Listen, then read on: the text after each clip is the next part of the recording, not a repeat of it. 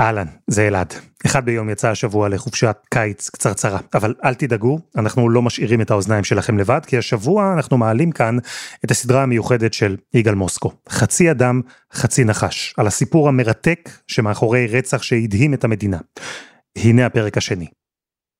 הפרק הקודם סיפר על יעקב סלע, איש הנחשים מחיפה, שלפני שנרצח, הפך לגורו של ילדים פיקחים ומיוחדים, שרוטים על נחשים. בפרק הזה נבין מה הפך את סלע, זה שנאמר עליו שהוא לא בדיוק תום קרוז, לנערץ על נשים מאוד מסוימות. אבל לפני כן נבין מה סלע באמת עשה עם הנחשים, ועל זה ידברו שני אנשים שלשניהם חסרה אצבע ביד.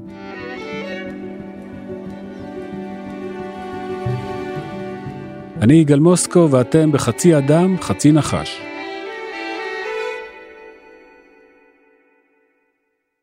עמיצור בולדו הוא איש לא צעיר שמתגורר בקיבוץ בית זרע מדרום לכנרת.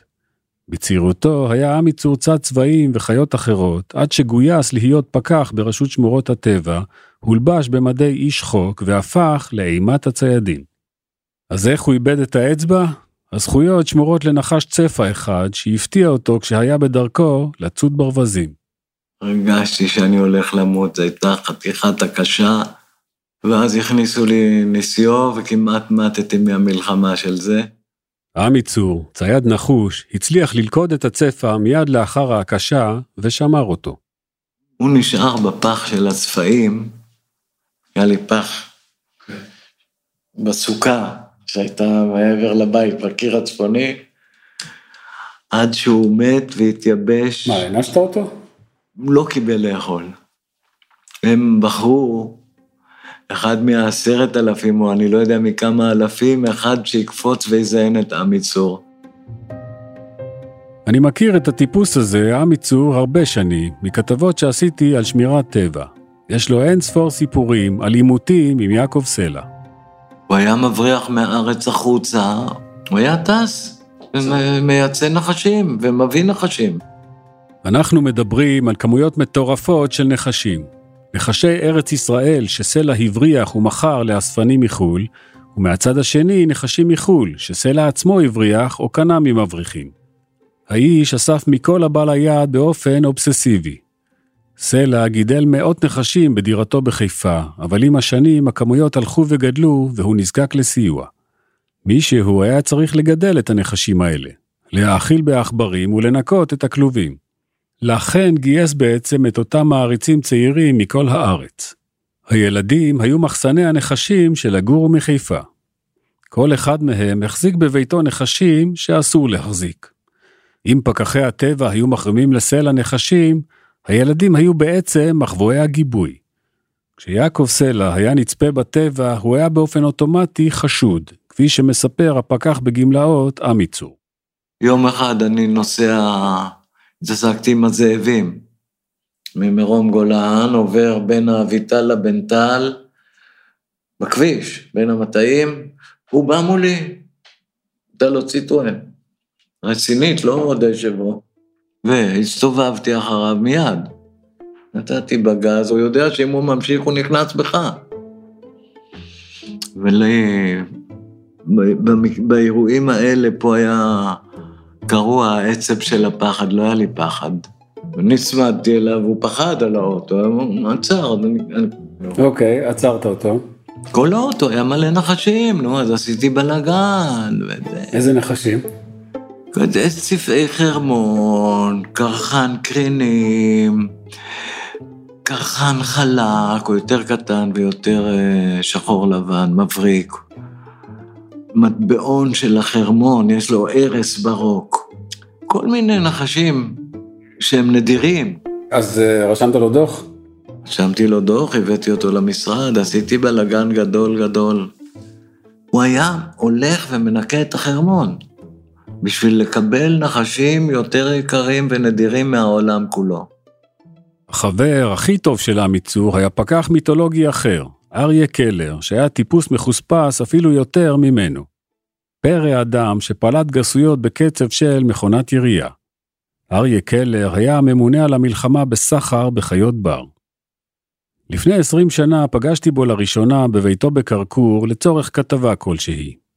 הוא ישב בפיסוק רגליים על השטיח, ומעליו, בכלוב, היה תוכי גדול ונדיר. תוכי שקלר החרים למישהו כמה ימים קודם לכן. תגיד, עמיצור בן זונה, כך היה קלר משדל את התוכי מדי כמה דקות.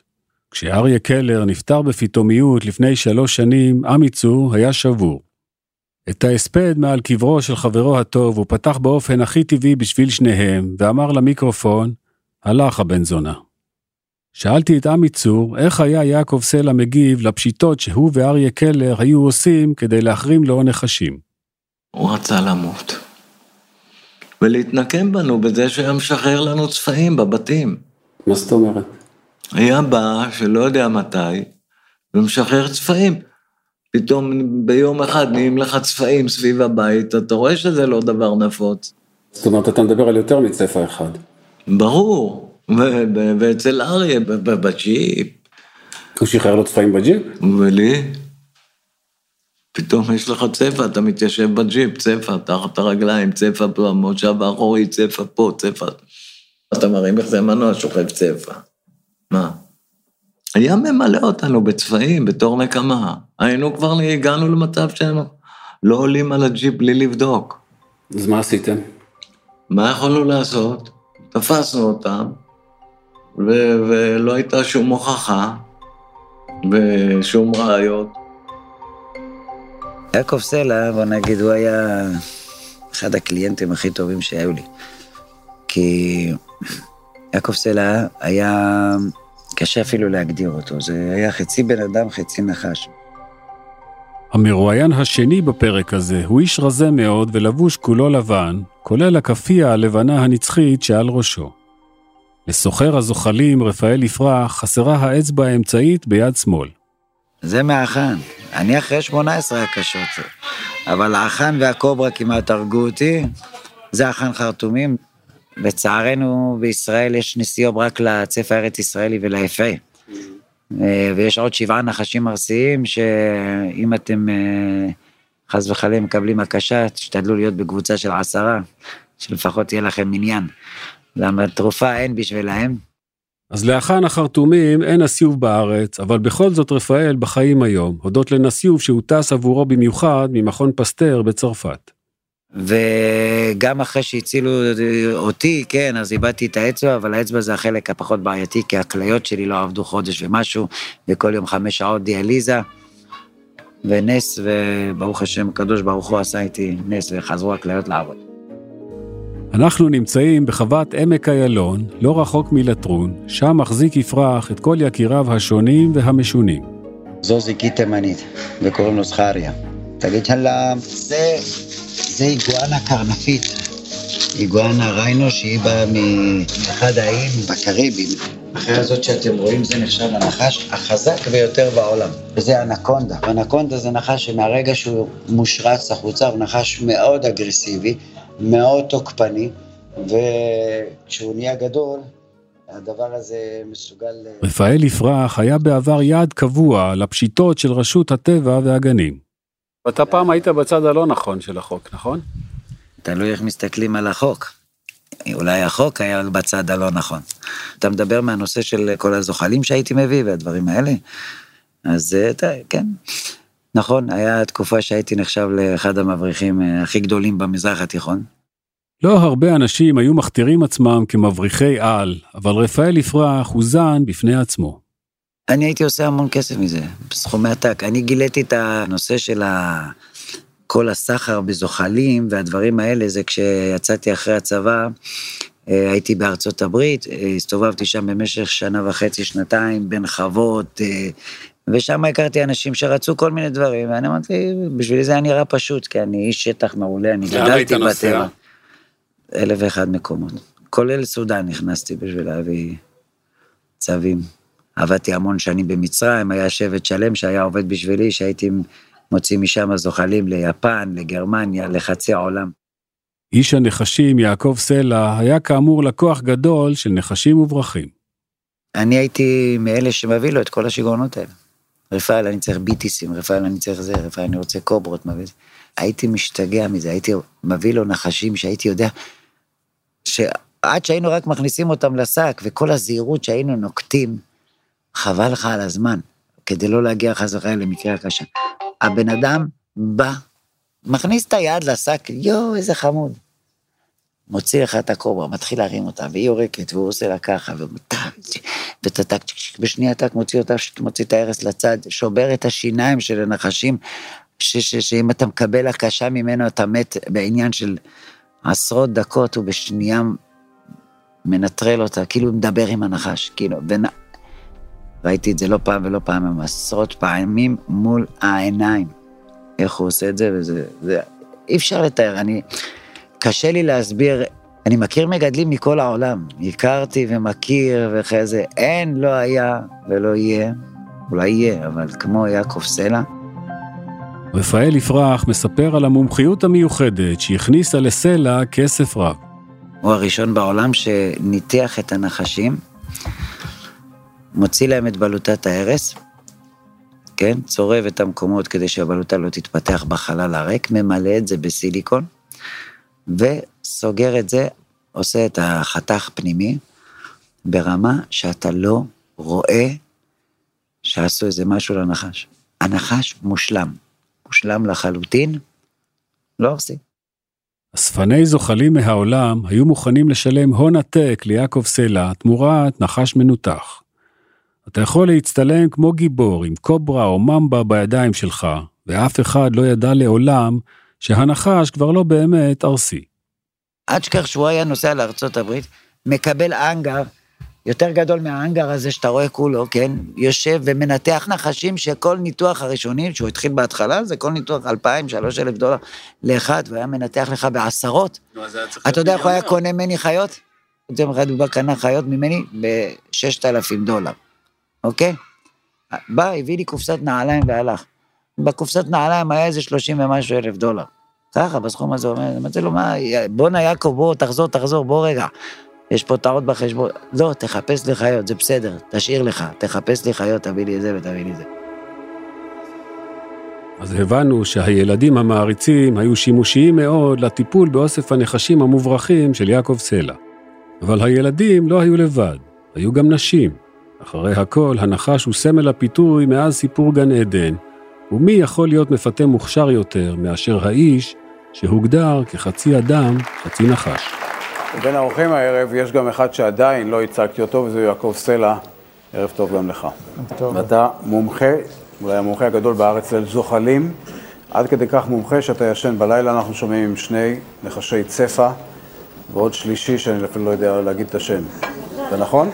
וזה התחלה, יש לי 160 נחשים בבית, ואף אחד לא מתקרב לבית הזה. בנובמבר 1994 התארח יעקב סלע בתוכנית המעגל הפופולרית של דן שילון. זה היה הרעיון של שילון עצמו להביא אותו. האמת שאני הכרתי אותו כשהוא בא אליי הביתה לגלות לי נחש שמצאנו בחצר, גילינו בחצר. כן. ואחרי זה חשבתי שהוא יכול להיות טיפוס מעניין אה, לתוכנית, והוא היה מעניין. בתוכנית ישב סלע בין שילון לבין ישראל קטורזה. לא ניסית אף פעם להתחיל עם בחורה? אה, וכשהכל נחמד עד שהן מבינות במה אני מתעסק. ברגע שאני פותח את דלת הבית ובאה הקוברה לקדם את פניה, זה הסוף של הסיפור. במעגל של שילון הוא שלף מסלסילת קש שתי איגואנות ענקיות. לזכרים יש שני אברי מין שנמצאים פה בזנב. איפה הזכר פה? הנה. אתה מחזיק אותו. וואו, וואו.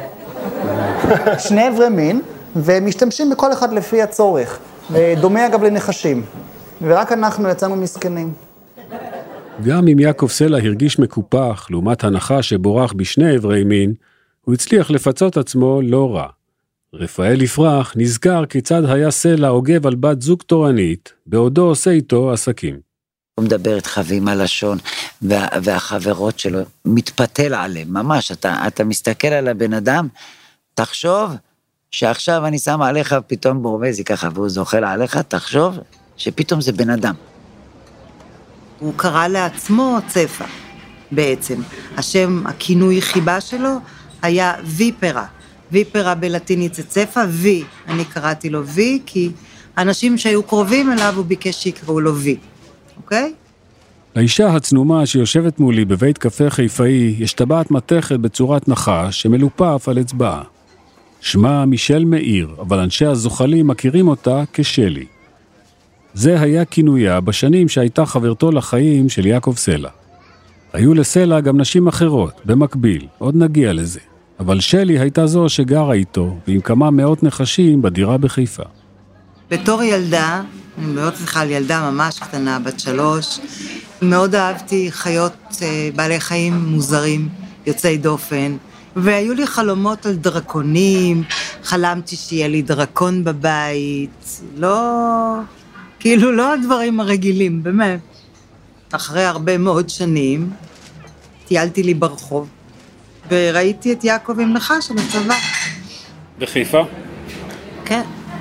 לא ניגשתי אליו, ושאלתי אם זה נושך, הוא אמר לא, אז שטתי את היד ולקחתי. כאילו, והתחלנו לדבר, זהו, זה פחות או יותר התחיל מזה. והוא תמיד איכשהו אה, סיגל לעצמו את ההתנהגויות של, אה, של הנחשים, בתנועה, בשפת הגוף שלו, אוקיי? תנועות ידיים, הכל, הכל. הוא התנועה כמו נחש? דומה, דומה, בחיי, דומה. קשה לי להסביר את זה, אבל דומה. הוא היה מוציא את הלשון כמו נחש, בפירוש ככה, כדי להריח. הוא אמר לי, הרי נחש מריח עם לשון. והוא אמר, אני מרגיש את הסביבה ככה. שלי לא מוכנה להתייחס לעובדה שלסלע היו נשים רבות נוספות, אבל היא מספרת ברצון על החיים לצידו. היו לכם מאות נחשים. כן, נכון. איך מאכילים מאות נחשים? הרבה עבודה. הרבה עכברים. במכון ויצמן כמעט תמיד נתנו לנו אותם במתנה. ניצולי המעבדות. כן. הם היו פשוט משאירים לנו, מקפיאים לנו אותם, והיינו באים ולוקחים. והנחשים הגדולים? גם, חולדות גדולות. חולדות גדולות. על המיטה הזוגית היה יעקב סלע מזווג בין נחשים שונים ועושה הכלאות. למשל, כדי ליצור צפע עם קו ישר על הגב במקום זיגזג. שלי מספרת כיצד היה משכנע את הנחשים להזדווג. לנחשים יש שפה, הוא היה מדבר איתם. יש להם שפה של טיקים, זה מה שהוא היה עושה, עם היד, על, על הגב של נחש. תסתכל על היד שלי, ככה. טיקים קטנים כאלה. היא מדגימה לי נקישות אצבע על גב כף ידה. והם היו מגיבים לו, בפירוש. ובטבע, כשהזכר אה, מחפש נקבה והוא מוצא אותה, הוא משוחח איתה.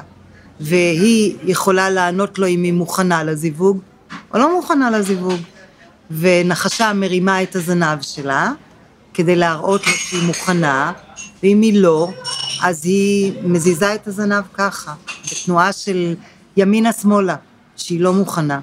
אה, זהו, והוא סיגל לעצמו התנהגויות של נחשים. זה היה קשה מאוד להבדיל בינו ובין נחש, באמת. לפני הכניסה הדרומית לחיפה, מול טירת הכרמל, נמצא קיבוץ החותרים. חברת הקיבוץ נעמי גל ניהלה שנים רבות את פינת החי הגדולה, עד שהחברים החליטו לבנות במקומה שכונה חדשה. איש הנחשים יעקב סלע היה מרבה לבקר אצל נעמי בפינת החי. אותי הוא תמיד נורא הצחיק, הוא היה גאון, באמת, הוא היה גאון שיגעון מה שנקרא. והיא לא יכולה לשכוח את הביקור שלה בדירה של יעקב סלע בחיפה. דבר כזה בחיים שלך עוד לא ראית. היה לו שם איזה 400 נחשים בתוך הבית, כל מגירה שפתחת על יד המיטה על זה, צבעים בתוך המיטה, אתה לא מאמין מה שזה היה מטורף. נעמי הגיעה לדירה של סלע יחד עם בעלה, ועם נחש צפה שהם מצאו בפינת החי של הקיבוץ והרגו אותו. הם רצו לראות כיצד יעקב סלע חולב ממנו את הארס. קודם כל, זה היה זכר, אז הוא עשה שם הפריה, למרות שהוא היה מת, עשה הפריה לנקבות שם, ואחר כך הוציא את הלשון ואוכל את זה, הוא אומר, זה מסטיק יהודי. עד היום אני לא מבינה את המושג הזה ומה זה היה. רגע, הוא, הוא הוציא את הלשון של ה... של החש בצבע. ואכל אותו מול העיניים שלך? כן, הוא הכניס את זה לפה, הוא אומר, זה מסטיק יהודי. כמו שהילדים המעריצים החזיקו עבור יעקב סלע נחשים בבתיהם, כך עשו גם המאהבות שלו. חלק גדול מהנחשים המוברחים והאסורים בהחזקה היו אצל המעריצות. והיו לו, מה, איזה חבורה של כאלה שמשוגעות אחריו, שהיינו צריכים ממש להשגיח עליהם. בנות שנורא, נורא, נורא התחברו לנושא של נחשים. יש בזה משהו אירוטי בנחשים, דרך כן? אגב. כן. לא, לא, לא לגביי, לי זה לא שיחק אף פעם תפקיד, אבל אני מכירה את האנשים האלה שסביב נחשים, זה עושה להם המון. שלי בכל החבורה, את שלי ראיינת? שאלתי את שלי, כיצד יכול להיות שהאיש שהעריץ נחשים גם אכל אותם? הוא לא הרג נחש כדי לאכול אותו, זה היה נחש מת, שכרגע דרסו אותו, הוא מצא אותו על הכביש, היה מנקה אותו, וכן. מטגן אותו? אה, כן, כן, עם חמאה, או בלי. אה, נחש יש לו טעם של אה, בין כבש לעוף, טעים. גם אני טעמתי. זה טעים, מה אני אעשה? כן, טעים. יעל נאמן הייתה בת זוגו של יעקב סלע כששניהם היו עדיין חיילים. גם לאחר שהתפרקה הזוגיות, נשמר קשר חם ביניהם, בעיקר סביב העיסוק בנחשים. אני פוגש את יעל ביישוב שכניה בגליל, שם היא מחזיקה תצוגת זוחלים וחרקים. זו חרקים נקרא המקום, שמארח קבוצות ילדים. למה בעצם הנחש מרתק אותך? הוא חיה מאוד מעניינת. תשמע, זה לא כלב, זה לא חתול, זה סוג קשר אחר. אנחנו לוקחים כלב כי כלב בשבילנו הוא... הוא מלקק לנו את האגו. הוא, הוא בא אלינו, הוא עושה מה שאנחנו אומרים לו.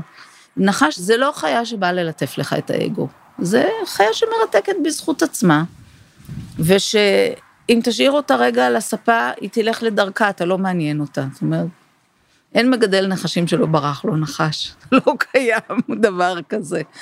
ולך תמצא אותו עכשיו, הוא לא עונה לך, הוא חירש, הוא לא מדבר, הוא לא בא כשאתה עושה לו פס פס. אז זה סוג אחר של חיה. כמו שהיא נמשכת לנחשים בגלל חריגותם, כך נמשכה בצעירותה לאיש הנחשים מחיפה. הוא היה גאון מצד אחד ודביל בהרבה דברים אחרים. אני חושבת שהיום היו מגדירים אותו על הרצף האוטיסטי. כי הוא מצד אחד באמת היה גאון, מצד שני, היחסי אנוש שלו לקום מאוד, זאת אומרת, הוא היה מתלהב בעיקר מבחורות, מנשים, ונותן את כל כולו בשבילם, אבל עם משהו קטן אחד ככה, לא היה בסדר. התגובה שלו לא הייתה הולמת את האירוע שקרה, בואו נגדיר את זה ככה, כן? אחת כמה וכמה, אם מישהו חס וחלילה היה הורג נחש, וואו וואו, כן. חבל על הזמן. מה, כן. מה ראית? תשמע, הוא היה מתפוצץ, הוא, הוא היה מתנהג באלימות לאנשים שבטעות הרגו נחש או משהו קרה, מכות, מכות. הכרת את הנשים של יעקב? כן. תשמע, הבחור היה חובב נשים, מאוד אהב נשים, הקסים אותם, כי באמת העיסוק שלו היה עיסוק מאוד מאוד אה, לא קונבנציונלי. וזה קסם להרבה נשים, במיוחד נשים צעירות, הרבה ילדות, גם קטינות. גם קטינות, כן. הוא היה קטן ומצ'וקמק כזה, ולא הבנתי מה כולן אה, נמשכות אליו, כל הילדות האלה. זה איתמר שורקי, מנכ"ל היישוב עתלית ותושב כפר חסידים שליד חיפה. כשמישהו נתקל בצפה במושב, זה לא דבר נדיר, בדרך כלל קוראים לאיתמר ללכוד אותו. בראשית שנות ה-90, איתמר ויעקב סלע היו כבני 30. סלע היה נוהג לבקר את איתמר בלי התראה מוקדמת, תמיד עם שק נחשים. באופן כמעט סדיר הוא התחיל להגיע, בכל פעם עם אה, אה, גרופיז, בדרך כלל אה, נערות אה, מאוד צעירות. לא אהבתי אותו. היה טיפוס מוזר, היה מתנשק עם הנחשים, מחזיק את הנחשים, מוציא את הלשון, מתנשק איתם. צפעים, לא צפעים, הכל. באיזשהו שלב אמרתי לו לא להגיע לפה יותר. אני אמרתי, כבר אז אמרתי, הוא לא יחיה הרבה זמן, מי שיהרוג אותו זה אבא של אחת הנערות הצעירות האלה. זוכרים את הפקח המחוספס עמיצור? בשכנות לקיבוץ בית זרע, שבו הוא מתגורר, נמצא קיבוץ דגניה ב'. שם התגוררה אחת מאהובותיו של יעקב סלע. גרושה עם שלושה ילדים, ושמה רינה הרשטיק. את יעקב סלע הכירה דרך בנה הבכור, הראל הרשטיק. הילד הדחוי שנשלח לזוותרפיה באורנים, ושם התחבר ליעקב סלע ולנחשים. לאחר שהתפתח קשר רומנטי בין יעקב לאם רינה, היא החלה לגדל בביתה בקיבוץ חלק מהנחשים שלו, כולל נחשים ארסיים. עמי צור הכיר את רינה הרשטיק היטב. מה היה בעצם סוד הקשר של רינה עם יעקב? מופרעות. מה זאת אומרת? מופרעות, הוא היה מופרעות. והוא היה סוטה, ואלה היו סוטות, ועושות כל מיני מעשים עם הנחשים ואיתו. מה, השתמשו בנחשים למשחקי מין? כן ויותר.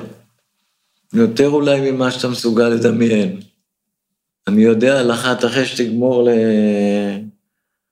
ומחוות את הדברים האלה, אני אספר לך. מה שהוא היה מבקש הם היו עושות, מפחד, מהשד יודע מה מה. העריצו אותו. כן, מין גורו כזה, ראש כת. אבל רינה סיפרה המון סיפורים שאני לא יכול לספר. הבן שלה הלך להרוג את יעקב בגלל uh, להתנקם בו על מה שהוא עושה לאימא שלו.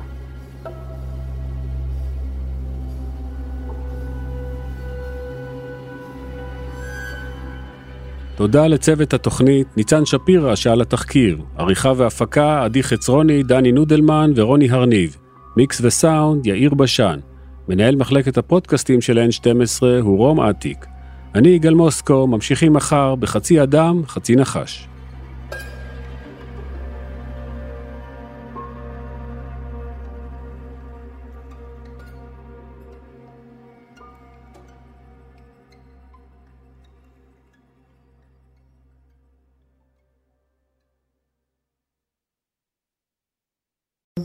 בחסות, גם ביטוח בריאות וגם ביטוח נסיעות לחו"ל עושים בהראל, ודואגים לכל המשפחה, גם בארץ וגם בחו"ל, אפילו בקמפינג בערי הרוקי. כן, גם שם, כפוף לתנאי הפוליסה וסייגיה ולהנחיות החיתום של החברה.